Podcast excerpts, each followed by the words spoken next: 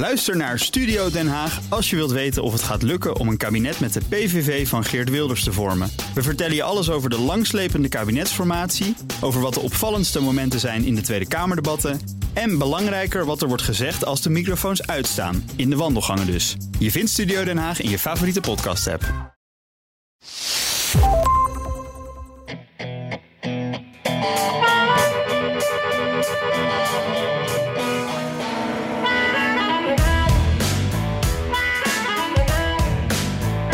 Donald Trumps agenda is bommetje vol. Politico maakt een interessant rekensommetje. Er lopen nu 91 aanklachten tegen hem... met een totale maximum gevangenisstraf van 641 jaar. Maar er zaten de 13 aanklachten wegens samenzwering in Georgia nog niet bij. Forbes deed het sommetje opnieuw en kwam tot 717 jaar gevangenisstraf. Een van de rechters legde hem zwijgplicht op. Vergeet het maar, zei Trump. Crooked Joe of wie dan ook blijft af van mijn recht op vrijheid van meningsuiting. Crooked Joe now wants the thug prosecutor, this deranged guy, to file a court order taking away my First Amendment rights so that I can't speak. So listen to this. We don't want you to speak about the case. The case. The case is, is a ridiculous case. It's a First Amendment case. But we don't want Trump to speak. So they want me, they take away your rights on First Amendment. Now they sue because, so now I have one of these lunatic reporters back there saying, Sir would like to talk to you about your case. Or, or, I'm sorry, I'm not allowed to talk about it. Somehow that's not good for votes. Do you agree? When we say I can't talk, I'd love to, I will talk about it. I will. They're not taking away my First Amendment right. Zo. En komen met een politieke necrologie, een complot voor een staatsgreep en met een cliffhanger als, het, als we er allemaal aan toe komen, hangt Trump namelijk nog een proces boven het hoofd in New York. Dit is aflevering 195 van de Amerika-podcast. Mijn naam is Bernard Hammelburg. Met onze steun en toeverlaat Wesley in de studio en natuurlijk met een beker verse koffie. En ik ben Jan Posma aan mijn vertrouwde eettafel in Washington. Ook met een beker verse koffie in de officiële Amerika-podcast Koffiemok. Met die vrije illustratie van Erik Kolen erop. Uh, meteen maar nog een cliffhanger, Bernard. Want straks geven we weer een Amerika-podcast Koffiemok weg. Heel goed nieuws. Jan, heel veel Trump-nieuws. Of zo je wilt, Trump-gedoe. Maar jij wilde dit keer eens met wat vrolijkers beginnen. Of eigenlijk meer een soort protestsong. Hier is Oliver Anthony Music, zo noemt hij zichzelf, met het nummer Rich Man North of Richmond. Rich north of Richmond,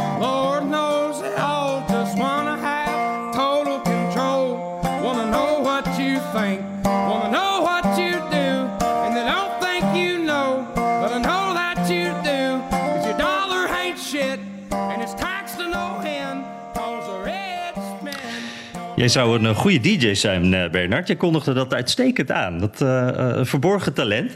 Um, ja, ik vind dit zelf een, uh, een heel goed nummer. Laat ik dat eerst maar eventjes zeggen. Een hele pakkende melodie, met overtuiging gebracht. Dit, dit voelt wel echt als ik dit hoor. Ik, ik weet niet hoe jij dat uh, hebt, Bernard. Maar Zeker. dit voelt wel als een man met pijn, toch? Ja, en bovendien, we hebben ook beeld gezien en je ziet het ook aan hem. Dus het is, het is gewoon, ik denk, een goede artiest. Ja, denk ik ook. Dit komt echt. Uh, nou, dit, geloof je wel. En, en deze man was uh, compleet onbekend. Een country songer, uh, zanger, een, een singer-songwriter. en, en ja, die, die kwam ineens via social media op nummer 1 terecht. Uh, werd compleet omarmd door rechts-Amerika. En zijn liedje werd zelfs gedraaid ter illustratie bij de eerste vraag van het uh, Republikeinse debat. En uh, ja, je, hoort het in de tekst. Het gaat over die rijke mannen ten noorden van Richmond. Nou, lees ten eerste natuurlijk Washington, maar ook Wall Street. dat, dat zijn de, de rijke mannen die de arbeider het slachtoffer maken van inflatie, van hoge belastingen.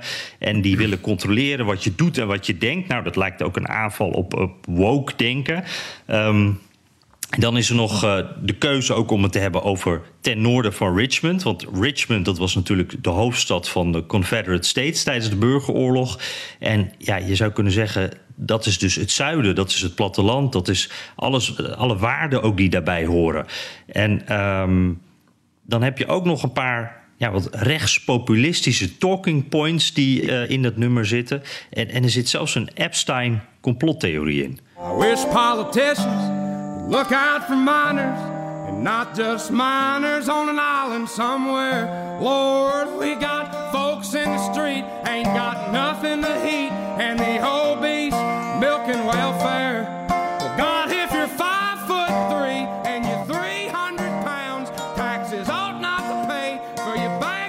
Ja, eh, hij zingt dus over politici die alleen maar aandacht hebben voor minors, dus minderjarigen op een eiland. Nou, dat is een verwijzing naar Jeffrey Epstein Ja. en, en ik denk ook alle complottheorieën daaromheen. Is ja. duidelijk, toch? Ja, zeker. En ik, ik vind dat ook die, dat die woordspeling van minors en minors, dat is echt briljant, vind ik het. Ja.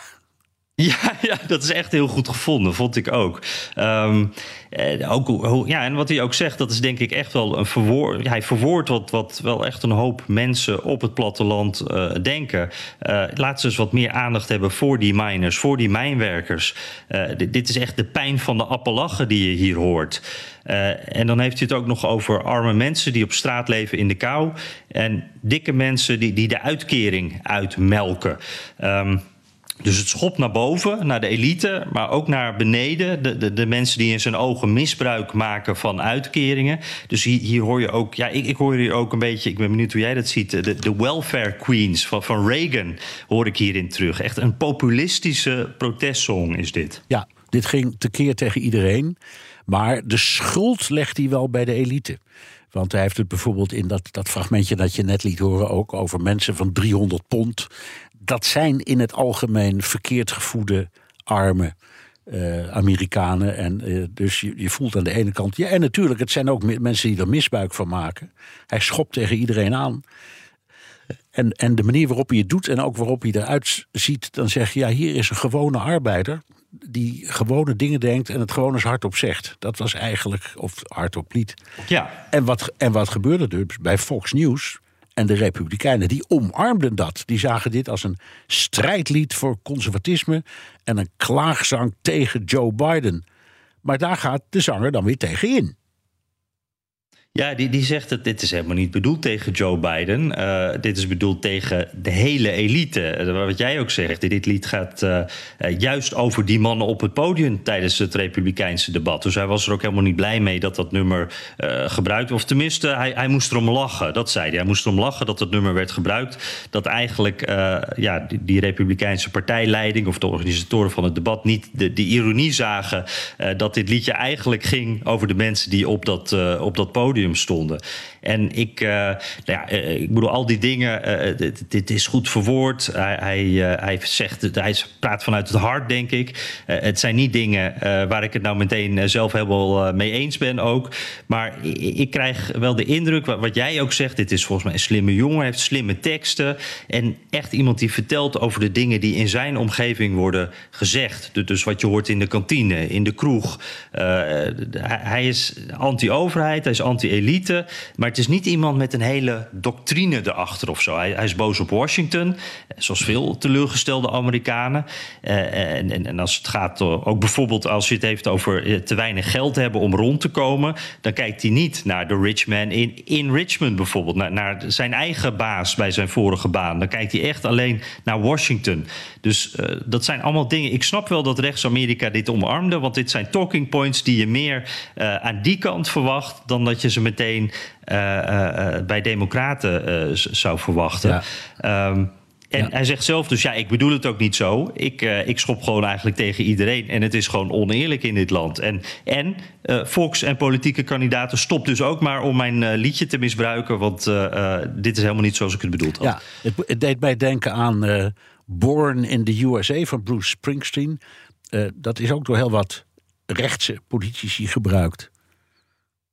Ja, en, en daar zat ook die verkeerde interpretatie bij. Hè. Dat klinkt heel patriotisch. Born in the USA, opzwepende melodie, eh, vol optimisme als je alleen naar het geluid eh, luistert. Maar het gaat juist over de, pijn van een soldaat die, die terug is gekomen uit Vietnam. En eh, ik hoor dat liedje nog regelmatig, ook voor Trump-rallies bijvoorbeeld. Dus dat wordt echt nog steeds gebruikt. En, en dan is het eigenlijk alleen het refrein waarnaar geluisterd wordt dan bij die keuze. Want ja, de, rest gaat dus over helemaal niet zulke positieve dingen. Uh, en ook wel interessant daarbij, uh, het, is, uh, we denken er altijd, ik ook meteen aan Reagan. van hey, ja, Reagan die wilde dat nummer gebruiken, maar nou, dat, dat mocht niet. Het is een mythe dat dat ooit gebeurd is. Want het was namelijk zo dat Reagan die, die hoopte op de endorsement van Bruce Springsteen. Springsteen was toen heel populair, misschien wel op het hoogtepunt van, van zijn roem op dat moment. En Reagan die was natuurlijk campagne aan het voeren. En hij kreeg eigenlijk tegenovergestelde van een endorsement want Springsteen die legde bij een concert uit dat Reagan echt niet goed naar zijn liedjes geluisterd had. En dat hij niet Born in the USA als een soort tweede volkslied moest zien vol patriotisme. Dat hier kritiek ook in zat, ook richting uh, de Reagans van de wereld. Um, dus. Ja. Um, ja. Dat ligt allemaal net wat genuanceerder. Nee, ja. uh, maar goed, la later werd hij dan weer door, door Obama ook gebruikt. En, en het gaat ook allerlei artiesten waarbij het wel goed werkt. Hè? Bill Clinton met Fleetwood Mac. Uh, Don't Stop Thinking About Tomorrow. Echt een heel optimistisch uh, campagneliedje. en waar Clinton zelf ook nog wel eens een beetje aan meespeelde, begreep ik. Ja, ja op zijn saxofoon. Ik ik heb toen een aantal van die bijeenkomsten meegemaakt. was, wel, was wel altijd een. Was, het waren wel stunts hoor, altijd. Dus moet je voorstellen dat een president of een presidentskandidaat plotseling in zo'n setting zijn muziekinstrument pakt en, en gaat staan mee, uh, ja, swingen. Uh, ja, heerlijk. Ja, ja. fantastisch. Nou, dat, dat, dat, zie... zie... ik zowel Trump als Biden niet nee, doen. Ik wou maar zeggen. Nee, die, uh, dat gaat niet lukken. Hè? Nou, hey, uh, Jan, even nee, naar het nee. Trump, het Trump-fuilleton. Dat kunnen, zo lang kunnen we wel noemen. Het, enige, het enige wat Donald Trump speelt is zijn poot, als je het mij vraagt. In vergelijking met Bill Clinton. Die had dan nog een muziekinstrument. Wat kan die man Ik vind boos... het een mooie uitdrukking trouwens, Bernard. Speelt is zijn poot. Wat, uh, hij is, uh, wat betekent dat? Hij is boos. Ja, ja gaat tekeer. Uh, omdat hij ergens ja, boos ja, over okay. is. Ja, dat is op je, op je poot spelen. Ja. Wat, wat, ik heb trouwens het nog even in in het woordenboek nagekeken hoor. Want bij dit soort uitdrukkingen ben ik altijd heel voorzichtig. En ik heb dit opgeschreven. Uh, maar, maar ja, ik, maar ik, het mooie. Ja, ik, ik ken hem niet. Ik, zuig je dus niet in een schandaal, Jan. Maak je geen zorgen. nee. Maar wat kan die Trump boos worden? Uh, uh, en eerlijk gezegd, als, ja. ik hem, als ik hem was, zou ik ook de pest in hebben hoor. Al die rechtszaken vindt hij uh, best goede campagne-instrumenten. Hè, want ja, in, in, in de peilingen gaat het hem voor de wind met die dingen. Maar de rechters in al die zaken, die zitten behoorlijk dwars. Jan, ehm, we hebben het van tevoren even over gehad. En jij, zou eventjes in zijn agenda kijken. Want daar kan jij in, hè? De agenda van Trump. Ja. ja, precies. Als ik even een paar toetsen inklik en, ja. en het wachtwoord invul, dat is uh, maart 2024, dan, uh, ja, dan zit ik er zo in. En ik moet zeggen, uh, als ik dat dan bekijk, dan is dat echt iets om hoofdpijn van te krijgen.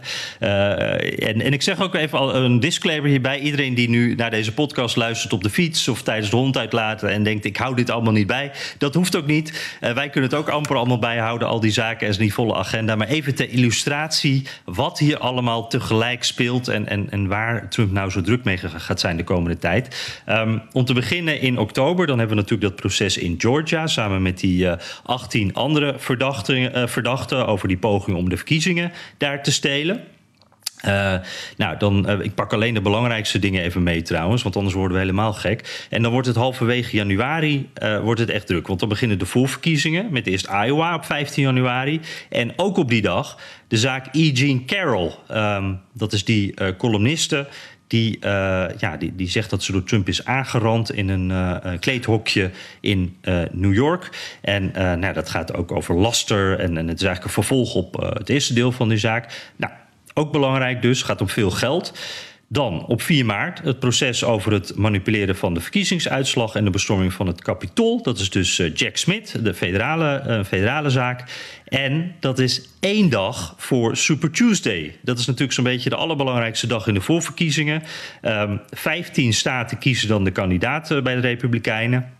En ook grote staten als Californië en Texas. Dus dat is een dag waar je normaal gesproken even extra op inzet als kandidaat. Nou ja, hij is dan even druk met wat anders. Um, twee weken daarna hebben we de primary in Florida. Wat Trump natuurlijk ook belangrijk vindt, want daar woont hij. Uh, daar komt Ron DeSantis vandaan. Dus dat is daarom ook al belangrijk. Uh, zijn uh, belangrijkste concurrent op dit moment. Als die er dan nog is trouwens. En, en ook een grote staat, dus ook belangrijk. Dan 25 maart zijn we weer een weekje verder. Het proces in New York over het zwijggeld van Stormy Daniels. Um, dan gaan we even naar 20 mei. Het proces over de achtergehouden staatsgeheimen in Mar-a-Lago. Dat is ook Jack Smith.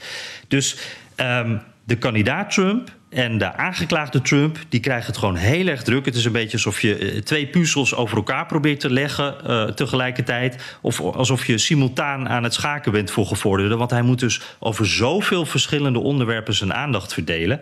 Uh, ik geef het je te doen. En Bernard, jij gaf al een beetje een, een voorzetje.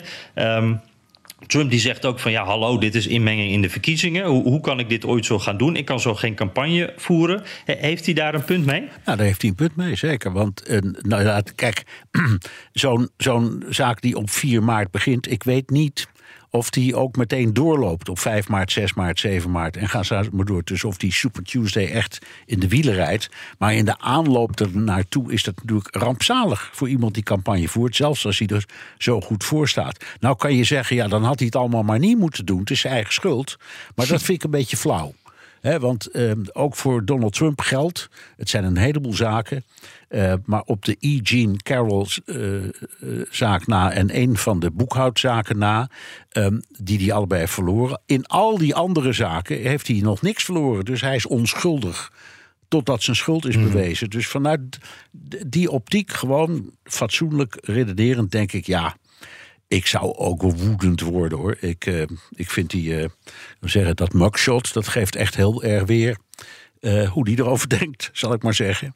Ja, uh, ja, ja, dan zie je de gezichtzetting. Ja, dus ik, ik, en ik, ik denk dan ook wel een beetje als ik uh, dan hoor een dag voor Super Tuesday, op de dag van uh, de Iowa caucus, dan denk ik, het voelt ook bijna wel een beetje als pesten. Ik, ik, ik kan me niet voorstellen dat een aanklager dat expres doet, maar het had toch wel even een weekje later gekund of een paar dagen eerder. Of dit, dit is allemaal wel heel erg dicht op elkaar. Ja, maar goed, ook dat heeft hij weer aan zichzelf te wijten, denk ik, omdat hij.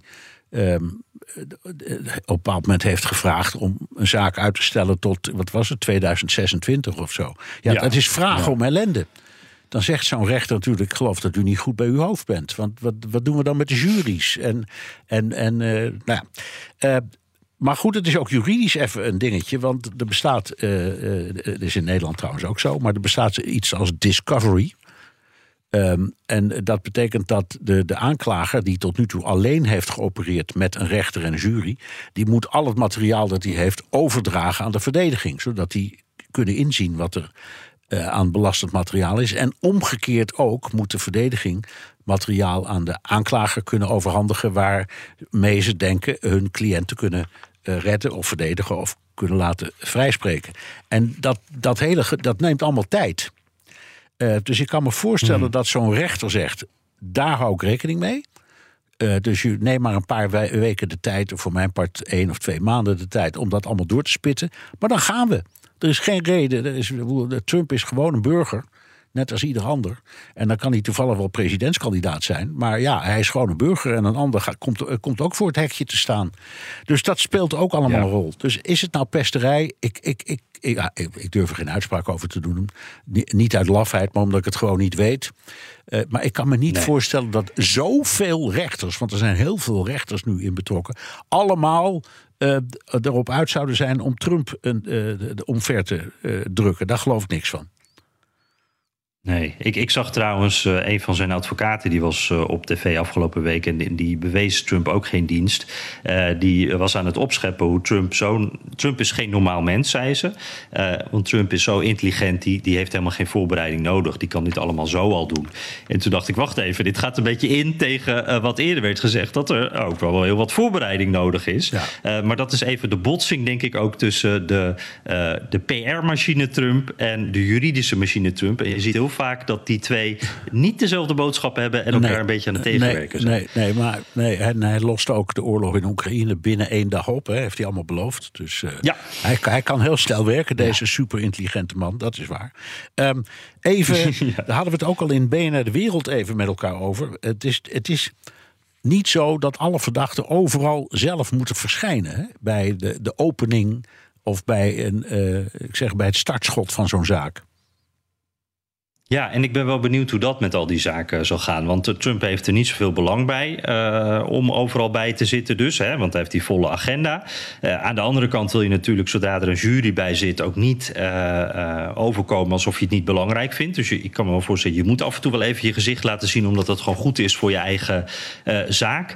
maar inderdaad, hij kan bijvoorbeeld in Georgia, daar is hij erover aan het nadenken om volgende week niet aanwezig te zijn bij zijn eigen voorgeleiding. dat zou hij dan misschien virtueel kunnen doen of via zijn advocaat. Uh, dat mag daar gewoon. En uh, ja, er zijn ook regeltjes dat je in uitzonderlijke gevallen soms ook gewoon uh, afwezig kan zijn gedurende zaken. En ja, ik denk dan bij mezelf, ja, ik, ik, vind dat moeilijk hoor. Want wat is nou een uitzonderlijk geval? Maar deze man die voert dus campagne om president uh, van het land te worden. Uh, al zou je kunnen zeggen, op dat moment is hij nog bezig om kandidaat te worden daarvoor. Dus nog een stapje daarvoor. Maar toch, uh, ja, dat is best een uitzonderlijk geval. Eigenlijk alle rechtszaken rond Trump op dit moment, dat zijn allemaal uitzonderlijke gevallen, toch? Ja. Dus ik zou me best voor kunnen stellen dat hij daar niet veel bij gaat nee, zijn. Nee, dat begrijp ik. Maar het gaat niet alleen om wat mag juridisch en wat de rechter tolereert. Het gaat ook om respect voor de jury. Want het zijn allemaal jurygevallen. Hmm. En als je af en toe eens langskomt en een paar uh, foute zinnen roept en daarna weer verdwijnt, ja, dan denk ik dat die jury niet erg weg van je is. Dus daar moet hij ook rekening nee. mee houden. Hij moet, hij moet tegenover de jury, en dat kan hij heel goed trouwens. Hè. Dat is net een beetje, ja, alsof hij een rally toespreekt. Hij kan heel goed groepen mensen toespreken. Maar hij, dat moet hij wel zelf doen en wel duidelijk. En op de momenten dat hij dat kan, moet hij die kans pakken. En, en ik, ze moeten hem ook kunnen zien uh, tijdens uh, het verloop van zo'n zaak. Dus ja, uh, daar zou ik, als ik zijn advocaat was, in elk geval heel duidelijk op wijzen. Van je mag doen wat je wil. Maar denk er vooral om, mm. dit is een juryzaak. En je wil niet worden veroordeeld omdat je er gewoon te weinig bent en klaarblijkelijk het helemaal niet serieus neemt. Ja, ja, want Trump heeft ook nogal de neiging om aanklagers, rechters, uh, juryleden... om die aan te vallen als hij, uh, als hij op campagne is. Uh, dat is natuurlijk een vreselijk slecht beeld al. Als hij niet daar in de zaal is geweest... en dan s'avonds wel ergens een, op een rally staat... en, en afgeeft op de mensen in die rechtszaal. Dat, ja. ja dat is helemaal niet goed voor je. Zo. Nee, nee. Hey, denk jij dat... want we hebben nu echt dus heel veel zaken... en ik zie ook al voor me dit gaat natuurlijk allemaal vertragen, want die zitten elkaar in de weg. Op een bepaald moment botst dat. Je kan maar op één plek tegelijk zijn. Wat denk je? Zou, want we weten dat ook vanuit justitie wordt gecoördineerd.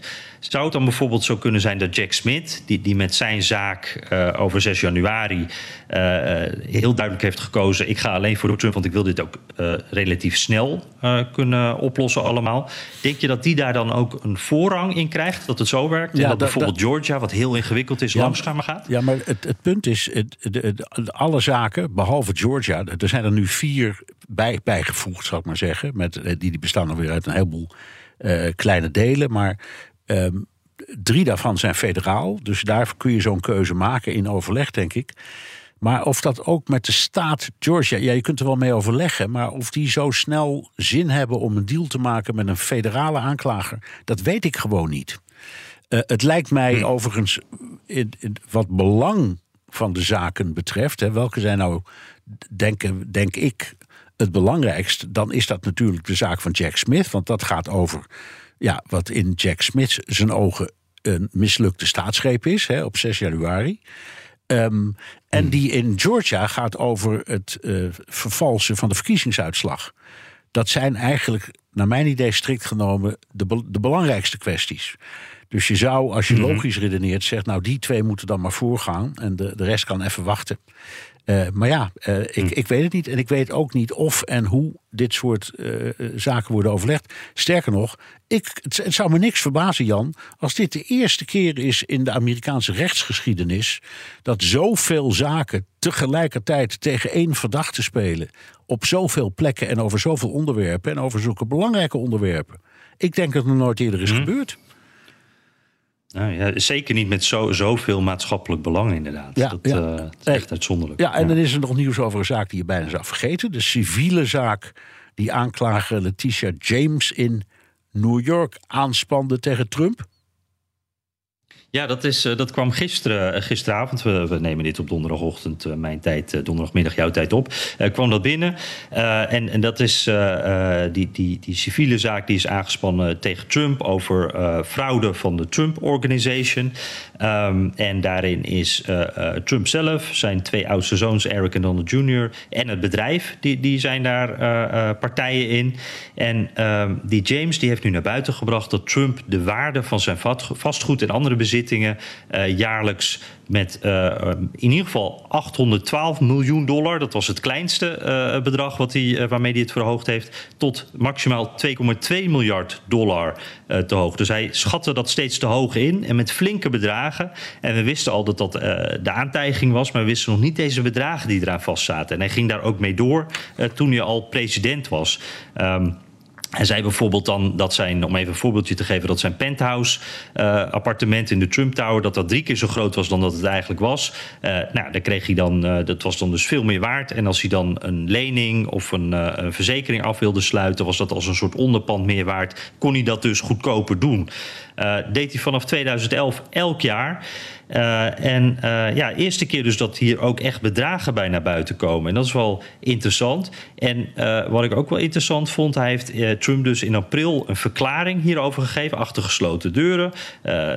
dat is, daar is een transcript van gemaakt en daar is ook wat van vrijgegeven. En daarin zegt hij onder andere, ja, eigenlijk mijn zoon Eric was hier veel meer bij betrokken dan ik. En toen dacht ik van, oeh, dat zal je maar gezegd worden, toch? Dat je vader dat zegt van, ja, ik, ik was er eigenlijk niet zo mee bezig. Nee, het ligt mijn zoontje, jongen, jongen dit. Ja, ja precies. dus, uh, dus ook dit is zo'n zaak, die was bij mij alweer een beetje naar mijn achterhoofd uh, geschoven. Je weet dat hij er is. Ja. Maar dat speelt dus ondertussen ook nog gewoon door. hey Jan, we hadden een cliffhanger beloofd. In de, in, ja. in de juridische zaken van, van Trump. Kom, kom op. Ja, uh, de grootste zaak van allemaal, Bernard. Uh, fantastisch verhaal. Um, iedereen die wel eens in New York bij de Trump Tower is geweest, uh, die heeft hem wel eens gezien. Op Fifth Avenue daar, hè, het chique stukje New York, daar staat best een, een imposante grote klok op de stoep. voor nummer 725. dat ding staat er al 12 jaar. Maar niemand heeft er ooit een vergunning voor aangevraagd. je moet ook weten, als je hem ziet, er staat met grote letters Trump op. Dus dan weet je ook meteen van wie die is. Um, en Trump heeft daar een soort aanmaning voor gekregen, maar zijn toenmalige advocaat, Blast from the Past dit, uh, Michael Cohen, uh, die zijn nu niet meer bevriend, die uh, antwoordde, ja, bewijs me eens dat we jullie iets verschuldigd zijn. Nou, dat, de stad New York die heeft een hele hoop dingen te doen en hier hadden ze even geen tijd of geen zin voor. In 2016 uh, diende de Trump-organisatie toen een aanvraag in. Uh, maar toen was ook het verkiezingsjaar natuurlijk. En, en het was Trumps woning. Dus toen kwam er allerlei beveiliging. Uh, andere kopzorgen van de Secret Service staan allemaal hekken omheen. Dus er waren allemaal andere dingen die, waardoor ze werden afgeleid. En die klok uh, ja, de, de, de bijdrage die daarvoor gegeven moet worden, want daar gaat het om, je moet uh, ervoor betalen, dat, uh, ja, dat werd weer niet geregeld. Dus ja, bleef, het blijft een beetje hangen, zeg maar. Ja. En die klok die staat er nog steeds, maar er wordt niet voor betaald. En niemand wil het aan de grote klok hangen, zal ik maar zeggen. Is dit nu, nee, Jan, precies. Jan, wordt dit Trumps financiële nekslag? nou, uh, dat nog net niet. Um, misschien weer een leningje erbij of zo. Maar het, het is, dat vind ik ook het grappige aan dit verhaal. Het is heel klein, maar het is ook heel illustratief. Uh, het gaat dus om maar 300 dollar per jaar. Dat is de regel in New York. Je moet een bepaald bedrag betalen voor dat soort straatmeubilair. Dit is dus 300 dollar per jaar. Uh, eh, 12 jaar is dit geweest, dus het gaat om 3600 dollar. Nou, dat, uh, dat merkt Trump uh, niet eens natuurlijk. Maar de manier waarop dit gaat, dat er dan niet de vergunning wordt afgevraagd, dan wordt er gebluft. En vervolgens komt dan het moment dat Trump president wordt en dan ligt alles stil. En wat ze nu doen is eigenlijk hetzelfde. Ze zeggen van, uh, of ze, ze, proberen het nu weer te rekken tot de volgende keer dat hij hopelijk of weer president is, of dat er iets anders gebeurt waardoor ze het niet meer hoeven te betalen. Dit is de Trump-strategie in alle grote zaken, maar hier dus heel in het klein met die klok, precies in een notendop. Dit ja. is hoe Trump het doet. Uitstellen, uitstellen, tot er iets in je voordeel gebeurt. Ja, dit is een fantastisch verhaal. Het is trouwens een imposant ding hoor, die klok. Maar ik, ik, ja, het is een mooi ding. Maar, ja. als, maar als ik dit niet had gezien en jij ook niet, ik, ik had, zou er nooit aan hebben gedacht. En als je ook leest hoeveel er zijn, er zijn uh, ik geloof wel, wel iets van 1500 of 2000 van dit soort objecten waar de gemeente elk jaar op af moet. Dus het zijn ook wel. Het is heel veel. Ja. hey, Jan, nog even, even, even op de borst slaan. Hè? Jij en ik, vorige week toen Trump net in Georgia werd voorgeleid en gearresteerd. Dat was op het moment dat wij de vorige podcast opnamen. Toen voorspelden wij dat zijn mugshot electoraal goud was. Nou zeg. Ja, nou, dat is precies gebeurd. En ik had echt, ik zat het bij te houden. Het, uh, uh, binnen een uurtje volgens mij was er al een, een, een, een anti-Trump groep die had shotglaasjes met de Maxshot erop die je kon kopen voor veel geld. En het duurde niet lang daarna. Toen kwam de mail van de Trump-campagne. De t-shirts waren er. Inmiddels kan je alles krijgen met die Maxshot. Never Surrender staat erop. die boze foto. En zij zeggen ook dat ze er flink geld mee verdienen. Uh, het schijnt al meer dan uh, eh, 7 miljoen binnengekomen te zijn. Uh, nou, zo'n t-shirtje, ik geloof dat die eerst voor 35 dollar was. Ik heb hem later ook voor 47 dollar gezien. Um, ja, de, de, mensen die nemen dat massaal af. En, en dit is natuurlijk het symbool, hè? Ja. de Trump mugshot op alles wat je kan ja, krijgen. Dat is ongelooflijk, hè? Ja. Jan, ehm, de aanklachten draaien voornamelijk om het thema staatsgreep en vervalsing van de verkiezingen. Met als apotheose natuurlijk de bestorming van het kapitool. Dat was, vinden alle klagers, een poging om de Amerikaanse democratie onderuit te halen. Maar des te meer fascinatie vielen jij en ik afgelopen week op in verhalen over de geplande poging om de Amerikaanse democratie onderuit te halen.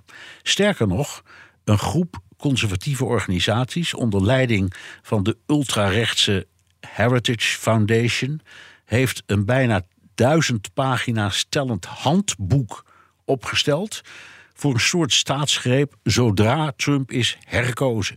Ze roepen duizenden Amerikanen op naar Washington te komen. Oh jee, oh jee, oh jee, denk ik dan. Ik zie weer hm. een nieuw, zo'n nieuwe bestorming.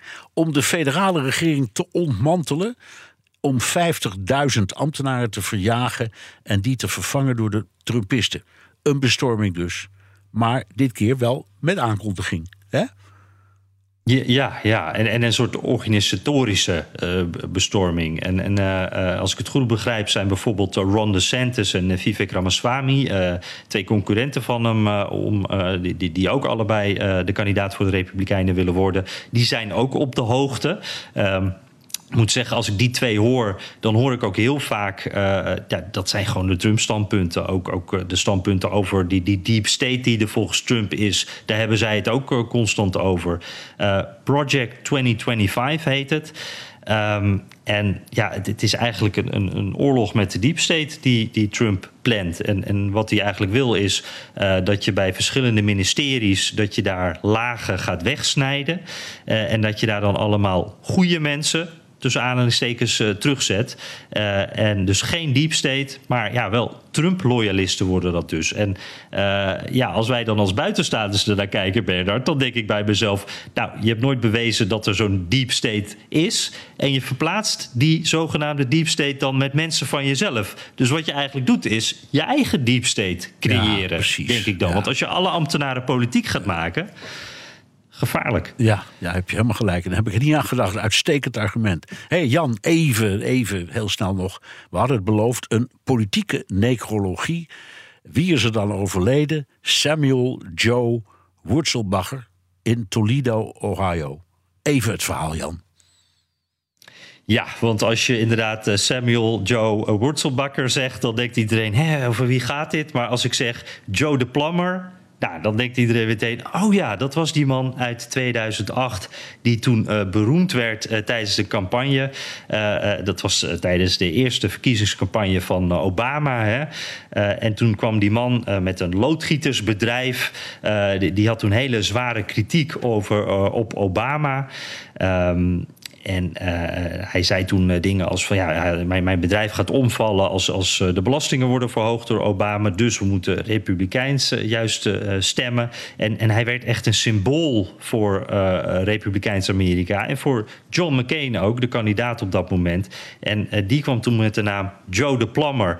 En um, ja, Joe werd echt beroemd. Die, die, die reisde dus het land door, werd eigenlijk een soort surrogate. Uh, surrogate hè? Zo iemand die dan namens de campagne uh, ook het woord voert. Uh, maar het, het eindigde ook een beetje triest met Joe. Want na een tijdje bleek dat hij, eigenlijk vrij snel al, dat hij helemaal geen gediplomeerd loodgieter was.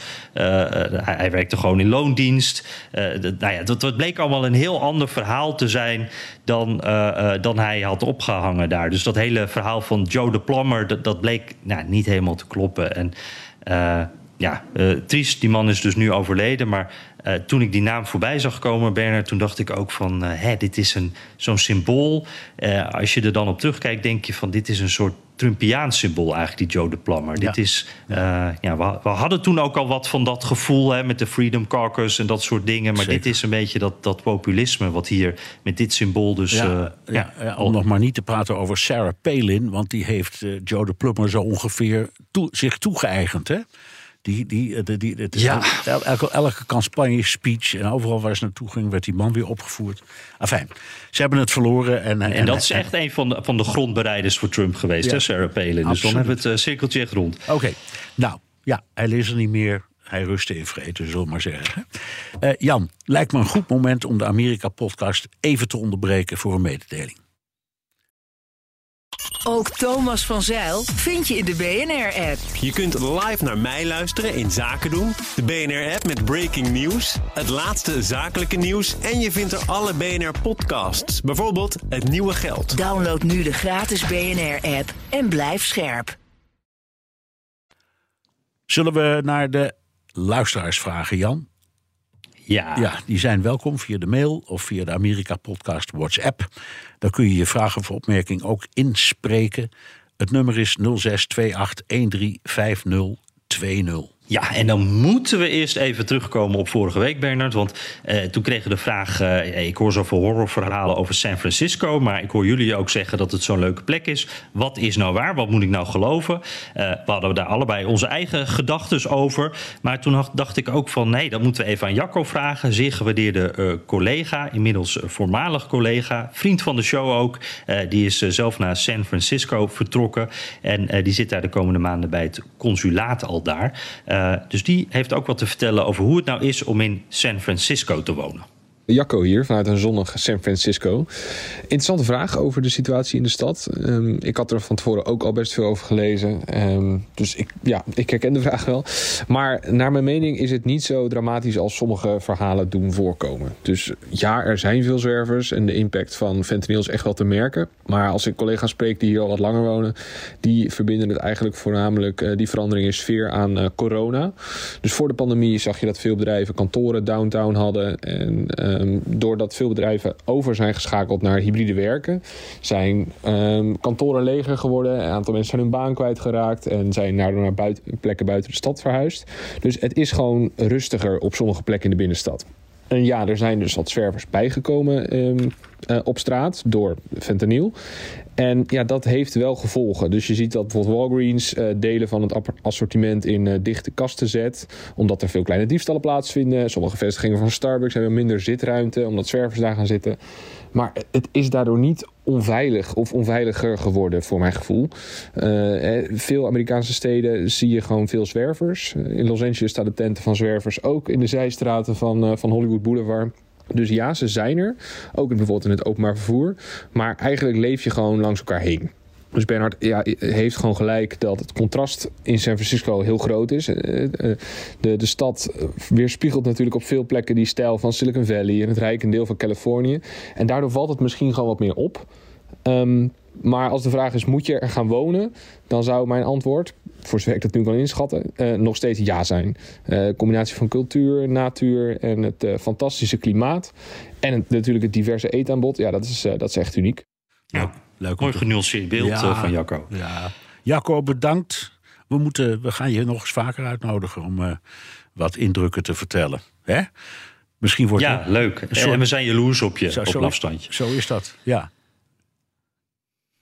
Hey, eh, we hebben nog, eh, eh, nog een audiovraag van een trouwe luisteraar, Devon Zwierenberg. Zoals jullie weten zijn ze bezig met een nieuwe zoekpoging om het monster van Loch Ness te vinden in het Loch Ness meer.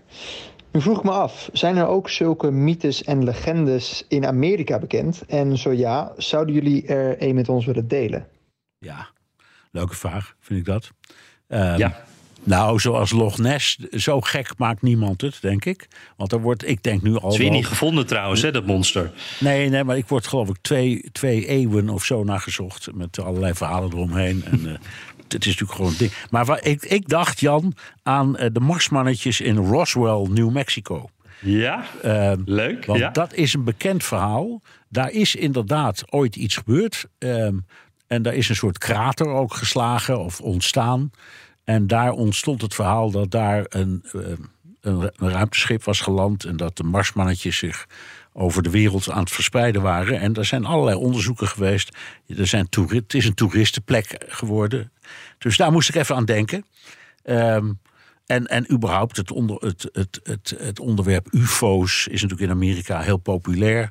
Eh, af en toe dan wordt iedereen, die wordt weer, eh, nou, ik zal maar zeggen, weggehoond als hij erover praat. En nu, nu is het congres even in een, ik zal maar zeggen, modus dat ze beleefd genoeg zijn om het serieus te nemen met hoorzittingen en zo.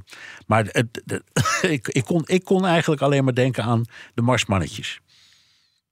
Ja, vind ik een heel mooi voorbeeld inderdaad. Want daar zit inderdaad, net als bij eh, Loch Ness... je, je hebt aan de ene kant een enorme toeristenindustrie... daar eh, bij Roswell, net als bij Loch Ness. Eh, allemaal mensen die daarheen komen om dat dan te zien. En aan de andere kant zit er toch ook wel een beetje... om de zoveel tijd weer die serieuze component. En, en bij die UFO's zijn nu ook allerlei ook serieuzere mensen... die daar allemaal interessante dingen over te zeggen hebben. Dus ja, heel mooi voorbeeld. Ik, ik moest meteen denken aan Bigfoot. Dat is zo'n vaak terugkerend monster... wat op, eh, het valt me op ook dat die door heel Amerika hebben... zeggen ze dat ze Bigfoots eh, hebben.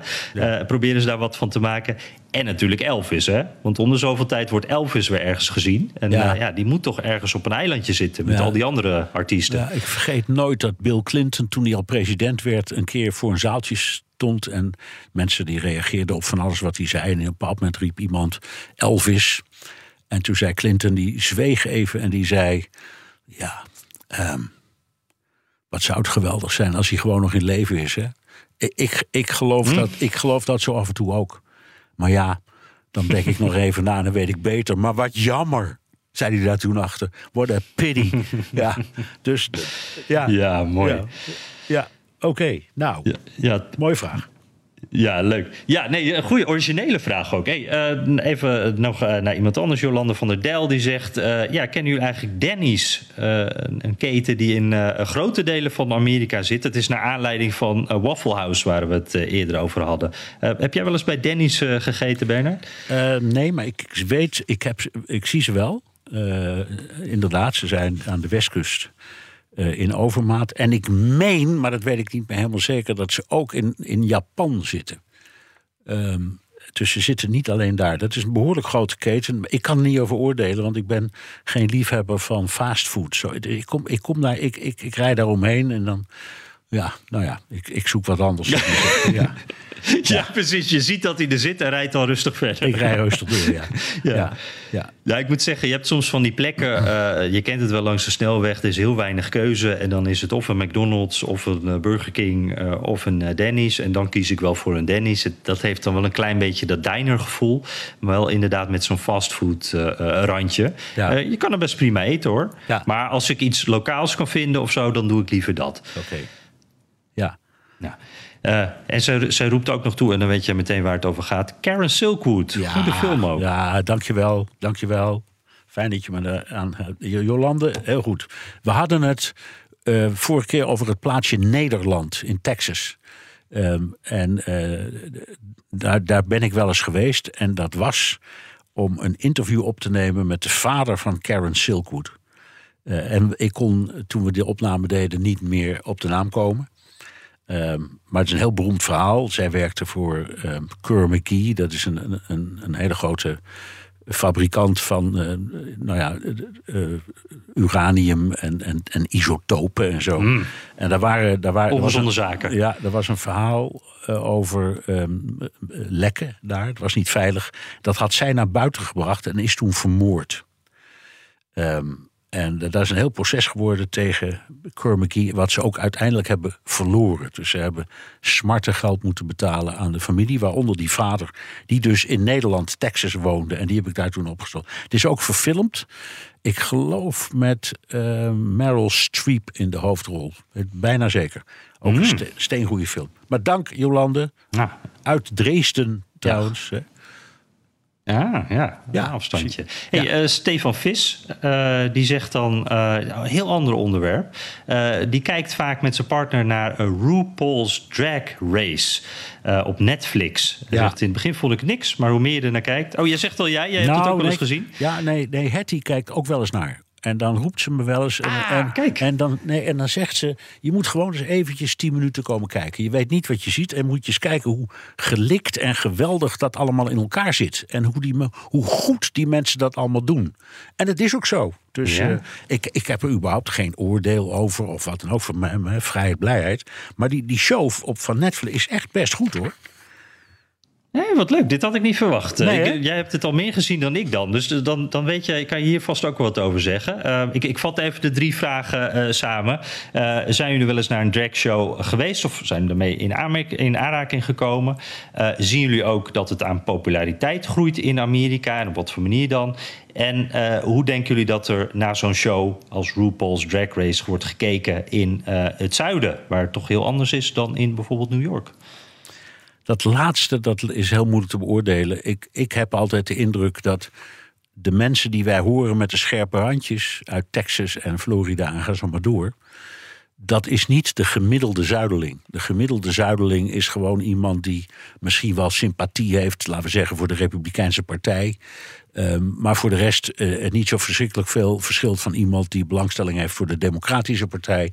En ook in dit soort zogenaamde sociale kwesties ook niet zo uitgesproken is. Dus ik denk, maar ik weet het niet, maar ik denk dat het. Dat, laten we zeggen, de, de weerzin er tegen of, of, of zo, dat die in het zuiden reuze meevalt. Ehm, en voor de rest, ja, eh, zoals ze zegt, ik, ik, heb ik het wel eens gezien? Nee, maar ik ben ehm, toen ik heel eh, lang geleden net in Amerika woonde, wel met een aantal ehm, vrienden eh, naar ehm, eh, in de Greenwich Village naar een paar van die tenten geweest waar dragshows werden opgevoerd, waar allerlei. Dat waren dus, zeg maar, dat heette toen nog gewoon homo- en lesbienne tenten. Eh, en die hadden, daar kon je gewoon eten. En, en, maar die hadden dan ook een show. En dat heb ik een paar keer gedaan. Met heel veel plezier trouwens. Want eh, wat, ze, wat, ze, wat ze in die tenten hadden was mega zelfspot en grappen. En, en dus het was echt heel geestig. Nou, en en, en, en Ja. ja. ja, er zijn ook heel veel beroemde Amerikaanse artiesten in dat circuit begonnen. Hè? Dus eh, de, in, in de optreden voor dat soort gezelschappen. Ehm, Dus eh, de- ja, dat. eh, eh, en, en daarom ging, ging je ook in New York. Want je kon daar nog wel eens, eh, laten we zeggen, Barbara Streisand-achtige eh, eh, eh, mensen zien. Dus, eh, dus, eh, Ja, Die- daar liepen de sterren ook rond. daar liepen de sterren en die zongen, die kwamen daar gewoon optreden. En die voelden zich in dat milieu hartstikke senang, zal ik maar zeggen. Die vonden het gezellig en leuk. Eh, en dat was het ook. Dus ja, ik weet niet of die dingen nog bestaan. En ik, ik weet nog wel waar het was. Dus ik ga, als ik volgende week of daarna weer in New York ben... eens kijken in de Greenwich Village of ze er nog zijn. Want het is echt de moeite waard. Ja. Hoor. Best leuk. Ja, ja. Ja en, en wat jij zegt, die humor, dat vind ik ook wel eh, herkenbaar. Ik, ik ben eh, lang geleden wel eens naar zo, eh, zoiets geweest. Wat je hier in Washington hebt, zijn drag brunches. Dus dan ga je brunchen met de gezelschap. En dan is er eigenlijk ook een beetje een, een, showtje bij.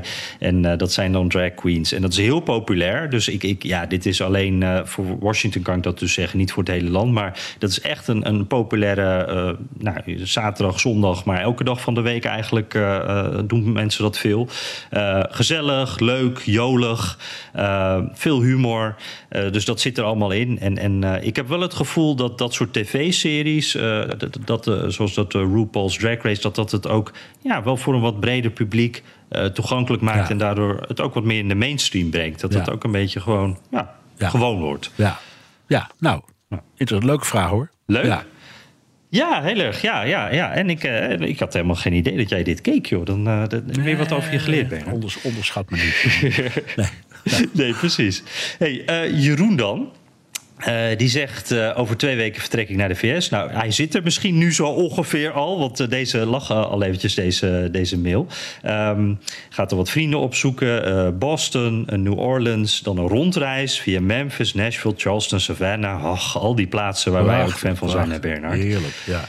Ja, en eh, hij zegt dan: eh, Ik zit met de vraag, wil jullie misschien wel wat meer over weten? Vooral rondom eh, New Orleans zijn veel oude plantages te bezoeken. Sommige bieden ook de mogelijkheid om langer te verblijven, te dineren, te overnachten. Ergens vind ik dit wel vreemd. Het zijn plekken met een moeilijke geschiedenis.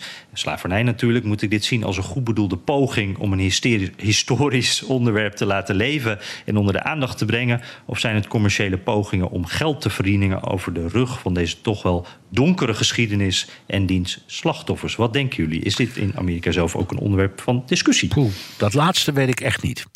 Eh, ik ben wel in dat, dat, soort... weet ik, dat is zeker, zeker een onderwerp. Het is een onderwerp. Nee, ja, het onderwerp. Maar ook dit. Ook, ook, ook eh, het bezoeken van plantages. Of je dat wel... Ja, wat of- ik. eh, ja, wat ik zie is, is dat eh, eh, ook met, met nou ja, de, de zomer van George Floyd... en daar hebben we toch wel een soort nieuwe bewustwording eh, gezien over dit onderwerp. Wat ik heel interessant vind om te zien... dat er toch een soort hernieuwde kennismaking voor sommige mensen is... In, bij hun eigen geschiedenis. En een van die dingen is dat veel van die plantages... natuurlijk een soort sprookjesbeeld geven... Hè, van die tijd voor de burgeroorlog... toen het oude zuiden nog bestond... en, en mensen in Weelde op zo'n enorme plantage... in zo'n fantastisch big house eh, konden wonen. En dan wordt het slavernijgedeelte... dat werd dan vaak eigenlijk amper benoemd of helemaal niet benoemd. En dat sprookjesachtige, waarbij je dan ook je trouwerij op zo'n eh, plantage kon doen... of eh, lekker uit eten, een familiefeest. Eh, nou, op heel veel plekken wordt daar inmiddels wat aan gedaan... en proberen ze ook die andere kant Ja, te ja. vertellen. En wat ik ook veel heb gezien... Eh, dan is er weer eens een Airbnb en dan staat er eh, in een authentiek slavenhutje. En dat is dan een plek waar vroeger inderdaad eh, ja, slaven gehuisd werden. Nou, daar is dan heel veel over te doen. Terwijl dat volgens mij een jaar of 20, 30 geleden... Nou, dan, dan, werd daar niet zo naar gekeken. Nee, nee, nee. nee. Nou, ik heb in New Orleans heb ik, die ervaring niet opgedaan. Ik ben er veel geweest, maar niet naar dit soort dingen. Wel ergens vlak buiten Atlanta in Georgia. Ehm, daar heb je ook een paar van die mooie oude plantagehuizen. met de eh, slavenhutjes er nog omheen. En die zijn helemaal intact. En dat is echt, dat is meer een museale belevenis dan, dan iets anders. Dat is ook niet een plek om te eten. En het is ook niet, ik denk niet dat er ehm, echt commercieel belang is. eh, maar het is gewoon een soort museum. En het heeft op mij zo'n indruk gemaakt, omdat je die hutjes. Eh, Het, het meest opmerkelijke in die hutjes was, het waren gewoon ja, eh, vierkante eh, bakstenen gebouwen met zo'n zo'n metalen dakje erop. Of, of soms hout. En de vloer, er was geen vloer, het was gewoon de, de aarde. Dus die, die mensen, Mm, ze, hadden, ja. ze hadden zo gezegd niet eens vloerbedekking. Ehm, en dat werd, Ja. er was een gids bij die dat allemaal uitlegde. En dat ook heel, vond ik, elegant en eerlijk en historisch, denk ik, ook heel juist deed.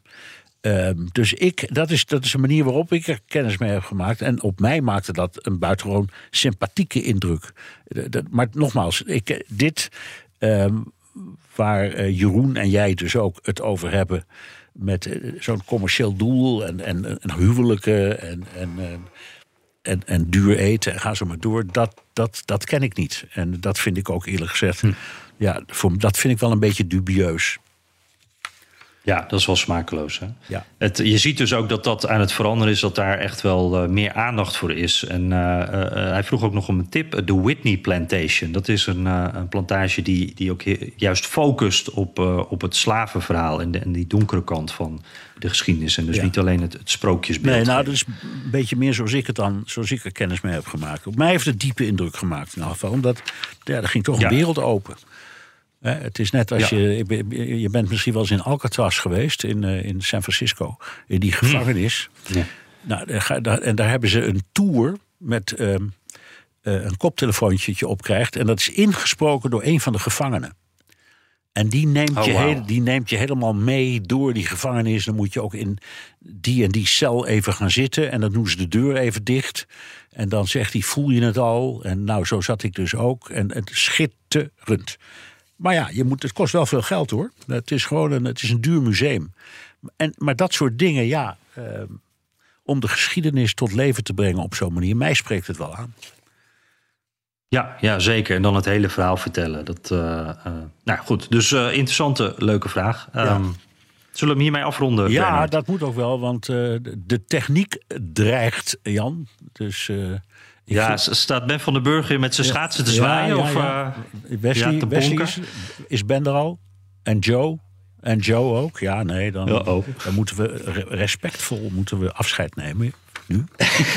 en, en respectvol deze heren binnenlaten, want die maken fantastische programma's. En het is hun tijd waarin we nu zitten. Dus, nou, eh, terugluisteren kan via de BNR-site, Apple Podcast of Spotify. Heb je vragen, opmerkingen, kritiek of complimenten... dan kan dat ook met een tweet naar Jan Postma USA... of BNR De Wereld of heel ouderwets... met een mailtje naar dewereld.bnr.nl. En je kunt ook je vraag inspreken of intikken op de Amerika-podcast WhatsApp... 06 28 13 5020. Ja, en zoals altijd, zet even je naam en adres erbij. Dan krijg je misschien die mok wel. En eh, deze week is het weer zover. We hebben er weer eentje. Hè? We hebben weer een bekerwinnaar. Oké, Jan. Wie, En, oh eh, wie, Jan? Ja, tromgeroffel. Ik, eh, ik maak het niet te moeilijk, Bernard. Ik vond eh, die laatste vraag vond ik heel leuk over de eh, plantages. Iets, iets, iets wat mezelf heel erg interesseert. Dus heel, ja, ja op, van mezelf uitgaand maak ik dat dan de winnaar. Jeroen is dat. Ehm, en as we speak, volgens mij, wordt die mok al in een doosje gestopt... en zo goed Ja. beschermd. En Heel goed, gaat de postzegel op, eens. toch? Ben ik blij mee. Ik deel het je, je, je, je, je beslissing volledig. Ik vond het een, een goede vraag. En ook omdat het iets toevoegt aan wat we normaal over Amerika horen. Hè. Je hoort niet heel veel mensen. Je hoort wel zeggen dat ze naar Disney World zijn geweest. Maar niet dat ze ergens in een slavenhutje hebben gezeten. om te kijken hoe het leven daar was. Dus eh, heel goed. Dankjewel, Jeroen. Jammer dat er geen achternaam staat. Maar wel een adres, dus het komt goed.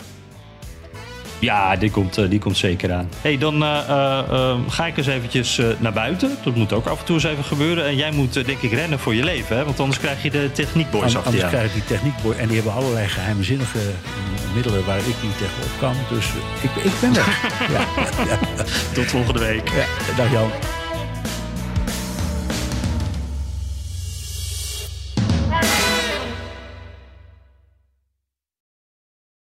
Ook Hugo Reitsma vind je in de BNR-app. Superhandig die BNR-app. Je kunt alle programma's live luisteren, breaking nieuwsmeldingen. Je blijft op de hoogte van het laatste zakelijke nieuws. En je vindt er alle BNR-podcasts, waaronder natuurlijk de belangrijkste, Boeken zijn in de wijk. Download nu de gratis BNR-app en blijf scherp.